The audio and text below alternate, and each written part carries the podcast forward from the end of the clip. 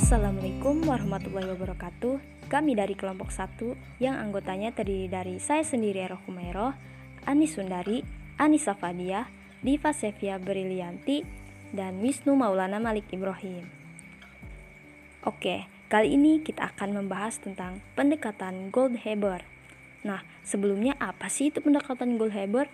Bisa dijelaskan ke Anis apa itu pendekatan Goldhaber? Oke baik, sebelum kita ke penjelasan nih, jadi dalam komunikasi organisasi itu ada yang namanya pendekatan sistem dalam organisasi. Nah di dalamnya itu salah satunya ada pendekatan Goldhaber. Jadi menurut Goldhaber tahun 1990 yang namanya organisasi sekurang-kurangnya meliputi empat pendekatan yaitu ada pendekatan ilmiah, ada pendekatan hubungan antar manusia, ada pendekatan sistem, dan satu lagi pendekatan budaya.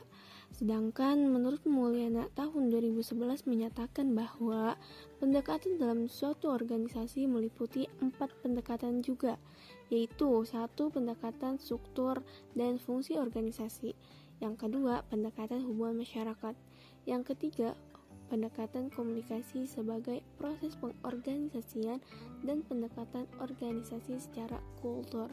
Pendapat-pendapat di atas memiliki kesamaan yang pada intinya lebih menekankan proses pendekatan dalam suatu organisasi. Oh gitu ya kak. Terus apa itu pendekatan ilmiah? Gimana Kak Diva bisa dijelaskan? Pendekatan ilmiah menganggap bahwa organisasi harus menggunakan metode-metode ilmiah dalam meningkatkan produktivitas. Studi pengendalian secara ilmiah akan memudahkan sebuah organisasi mengidentifikasi cara-cara atau alat untuk meningkatkan produktivitas dan pada akhirnya akan meningkatkan keuntungan. Pendekat, pendekatan manajemen ilmiah ini dipelopori oleh Frederick W. Taylor Sebagaimana ditulisan dalam bukunya Scientific Management 1911, jenis penelitian yang lebih menciri, mencirikan manajemen ilmiah itu studi waktu dan gerak. Studi ini lebih e, nekanin tentang penghematan waktu dalam menyelesaikan tugas tertentu dalam sebuah organisasi. Taylor juga e, melakukan studi waktu dan gerak untuk pekerja menyekop batu bara Terus dia menganalisis dan membandingkan berbagai ukuran skop serta tugas yang harus diselesaikan. Implikasinya adalah mampu jumlah pekerja yang dibutuhkan. Kalau pendekatan hubungan antar manusia itu apa, Kak? Pendekatan hubungan manusia berkembang sebagai reaksi terhadap perhatian eksklusif faktor fisik dalam mengukur keberhasilan organisasi. Salah satu asumsi dasar dari pendekatan hubungan antar manusia adalah kenaikan kepuasan kerja akan mengakibatkan kenaikan produktivitas. Seorang karyawan yang bahagia adalah karyawan yang produktif. Oleh karena itu, fungsi manajemen adalah menjaga agar karyawan terus merasa puas. Pendekatan hubungan antar manusia sangat menghargai pemimpin demokratis Pemimpin tipe ini mendorong anggotanya untuk berpartisipasi untuk menjalankan organisasi dengan memberikan saran-saran, umpan balik, dan menyelesaikan masalah dan keluhannya sendiri. Semua anggota organisasi harus berpartisipasi dalam membuat keputusan yang pada akhirnya mempengaruhi mereka. Komunikasi merupakan salah satu alat penting dalam manajemen untuk mencapai hasil yang ingin dicapai. Di sini ada beberapa anggapan dasar dari pendekatan ini. Yang pertama, produktivitas ditentukan oleh norma sosial, bukan psikologi. Yang kedua, seluruh imbalan yang bersifat non-ekonomis sangat penting dalam memotivasi para karyawan. Yang ketiga, Karyawan biasanya memberikan suatu reaksi persoalan mengutamakan kelompok daripada individu. Yang keempat, kepemimpinan memberikan peranan yang sangat penting dan mencakup aspek aspek formal dan informal. Yang kelima, komunikasi merupakan proses penting dalam pengambilan keputusan kita diajak untuk mengkaji faktor manusia sebagai objek yang penting dalam organisasi sebagaimana yang dikemukakan oleh Rensis Likord dengan empat sistem Likordnya. Yang pertama, eksploitatif, autoritatif, pemimpin menggunakan kekuasaan dengan tangan besi di mana keputusannya tidak memanfaatkan atau memperhatikan umpan balik dari bawahannya. Yang kedua, benevolent, autoritatif, hampir sama dengan sistem yang pertama, hanya pada sistem ini pemimpin cukup memiliki kepekaan terhadap kebutuhan para karyawan. Yang ketiga, ada konsultatif. Pemimpin masih suka memegang kendali, namun mereka juga mencari masukan-masukan dari bawahannya. Dan yang terakhir, participate management. Memberikan kesempatan pada karyawan untuk berpartisipasi penuh dalam proses pengambilan keputusan yang efeknya mengarahkan peningkatan tanggung jawab dan motivasi bekerja yang lebih baik.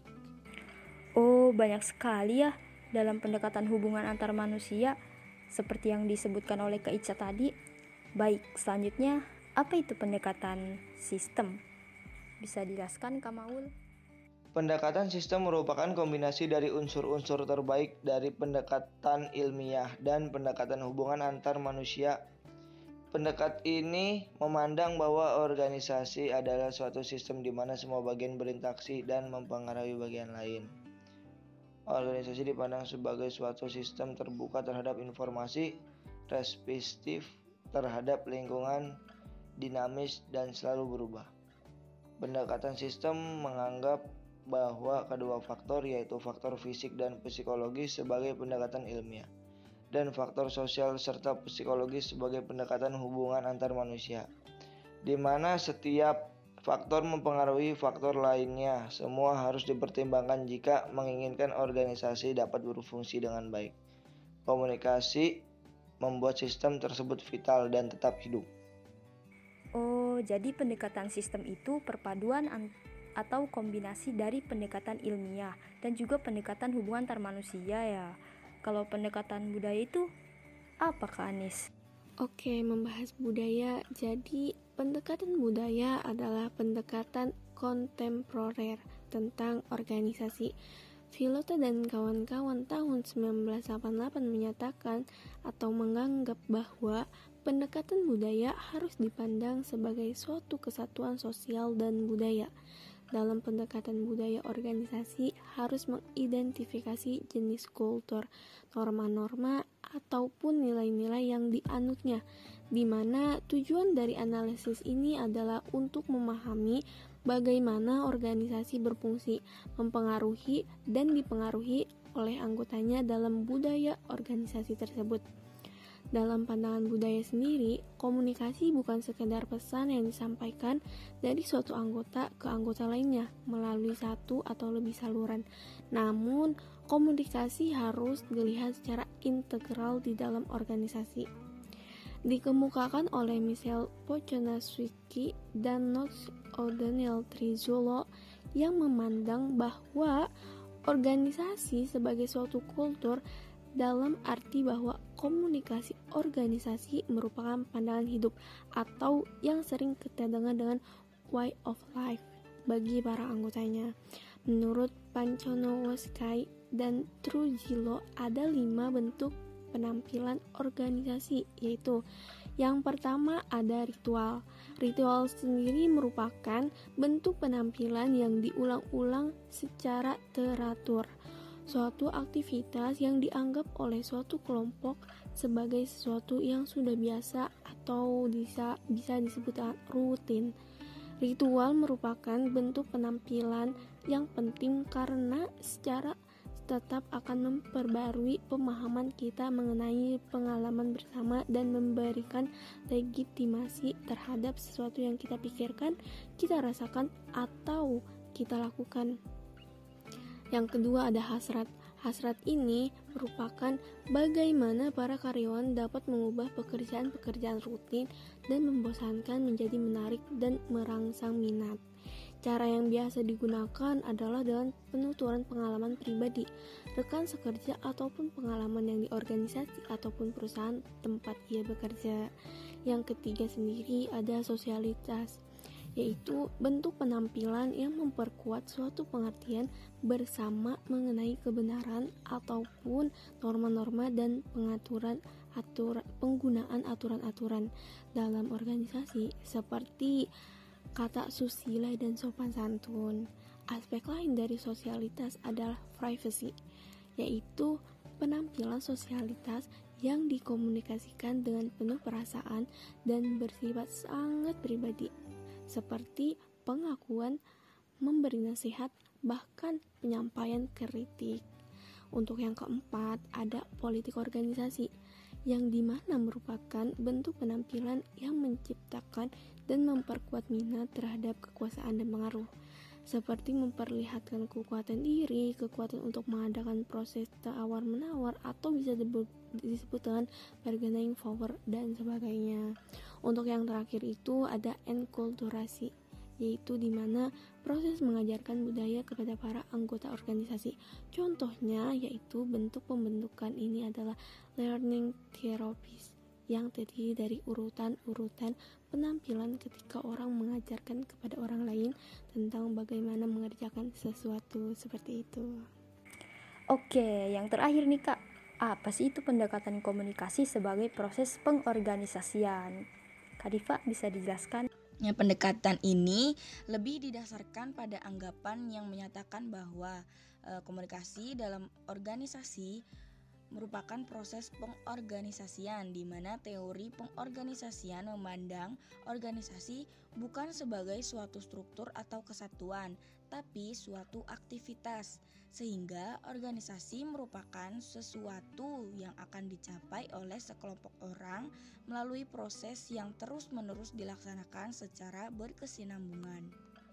Inti dari setiap organisasi adalah suatu cara atau tindakan tertentu sehingga memiliki keterkaitan antara yang satu dengan yang lainnya, di mana komunikasi memainkan peran di dalamnya. Jadi, aktivitas organisasi terdiri dari interaksi antar bagian yang ada di dalamnya. Terus, Griffin 2003 dalam A First Look at Communication Theory membahas komunikasi organisasi mengikuti teori manajemen klasik yang menempatkan suatu bayaran pada daya produksi, presisi, dan efisiensi. Di mana Griffin ini menyadur tiga pendekatan untuk membahas komunikasi organisasi. Nah, tiga pendekatan itu tuh yang pertama ada pendekatan sistem. Organisasi sebagai kehidupan organis yang harus terus-menerus beradaptasi pada suatu perubahan lingkungan untuk mempertahankan hidup. Pengorganisasian merupakan proses memahami informasi yang samar-samar melalui pembuatan, pemilihan, dan penyimpanan informasi. Nah, Griffin ini meyakini organisasi akan bertahan dan tumbuh subur hanya ketika anggota-anggotanya mengikut sertakan banyak kebebasan, free flowing gitu deh, dan uh, komunikasi interaktif. Untuk itu, ketika dihadapkan pada situasi yang mengacaukan, manajer harus bertumpu pada komunikasi daripada aturan-aturan. Yang kedua, ada pendekatan budaya. Asumsi interaksi simbolik mengatakan bahwa manusia bertindak tentang sesuatu berdasarkan pada pemaknaan yang mereka miliki tentang sesuatu itu. Para teoris interpretatif menganggap bahwa budaya bukan sesuatu yang dipunyai oleh sebuah organisasi. Tetapi budaya adalah sesuatu organisasi. Budaya organisasi dihasilkan melalui interaksi dari anggota-anggotanya. Tindakan-tindakan yang berorientasi tugas tidak hanya mencapai sasaran-sasaran jangka pendek, namun menciptakan atau memperkuat cara-cara lain selain perilaku tugas resmi dari para karyawan karena aktivitas-aktivitas sehari-hari yang paling membumi juga memberi kontribusi bagi budaya tersebut. Pendekatan ini mengkaji cara individu-individu menggunakan cerita-cerita, ritual, simbol-simbol, dan tipe-tipe aktivitas lainnya untuk memproduksi dan mereproduksi seperangkat pemahaman. Nah, yang ketiga ada pendekatan kritik. Salah seorang penganut pendekatan ini menganggap bahwa kepentingan-kepentingan perusahaan sudah mendominasi hampir semua aspek lainnya dalam masyarakat dan kehidupan kita banyak ditentukan oleh keputusan-keputusan yang dibuat atas kepentingan pengaturan organisasi-organisasi perusahaan atau manajerialis eh manajerialisme. Nah, itu Bahasa adalah medium utama di mana realitas sosial diproduksi dan direproduksi. Manajer dapat menciptakan kesehatan organisasi dan nilai-nilai demokrasi dengan mengkoordinasikan partisipasi stakeholder dalam keputusan-keputusan korporat. Pemikiran strukturasi dalam organisasi oleh Pule dan McPhee dijelaskan bahwa Struktur organisasi diciptakan ketika sekelompok orang saling berkomunikasi melalui saluran tertentu. Komunikasi tersebut e, dibagi jadi tiga jenjang. Yang pertama itu konsepsi. Konsepsi yaitu pemikiran yang meliputi seluruh bagian dari kehidupan organisasi di mana orang-orang membuat berbagai keputusan dan pilihan. Tahap ini dilakukan oleh top management. Yang kedua, ada implementasi, yaitu penjabaran formal dari konsep yang diputuskan atau dipilih. Tahap ini dilakukan oleh middle management. Yang terakhir ada penerimaan, yaitu tindakan-tindakan yang mengacu pada keputusan-keputusan organisasi. Tahap ini biasanya dilakukan oleh para karyawan. Oke, baik. Gimana nih teman-teman? Apakah sudah paham dari penjelasan kakak-kakak tadi? Jadi bisa kita simpulkan bahwa pendekatan Goldhaber ini ada empat ya kak, yaitu ada pendekatan ilmiah, pendekatan hubungan antar manusia, pendekatan sistem, dan pendekatan budaya. Tapi ada satu tambahan lagi nih menurut Mulyana 2011 yaitu pendekatan komunikasi sebagai proses pengorganisasian. Jadi semuanya ada lima pendekatan. Pendekatan ilmiah beranggapan bahwa organisasi itu harus menggunakan metode yang berhubungan dengan fisik dan psikologis untuk meningkatkan meningkatkan produktivitas. Kemudian pada pendekatan hubungan antar manusia sebagai pemimpin gerai atau supervisor diharap mampu membantu menyelesaikan permasalahan pada anggotanya. Pendekatan sistem bertujuan agar komunikasi dalam organisasi tersebut harus tetap vital dan hidup dan pendekatan kultural mengembangkan potensi generasi muda agar lebih kompetitif dan kreatif. Dan yang terakhir, pendekatan komunikasi sebagai pengorganisasian adalah organisasi bukan sebagai suatu struktur atau kesatuan, namun suatu aktivitas, sehingga organisasi merupakan suatu yang akan dicapai oleh sekelompok orang melalui proses yang terus-menerus dilaksanakan secara berkesinambungan. Baik, Cukup sekian untuk podcast kali ini. Sampai ketemu di episode selanjutnya.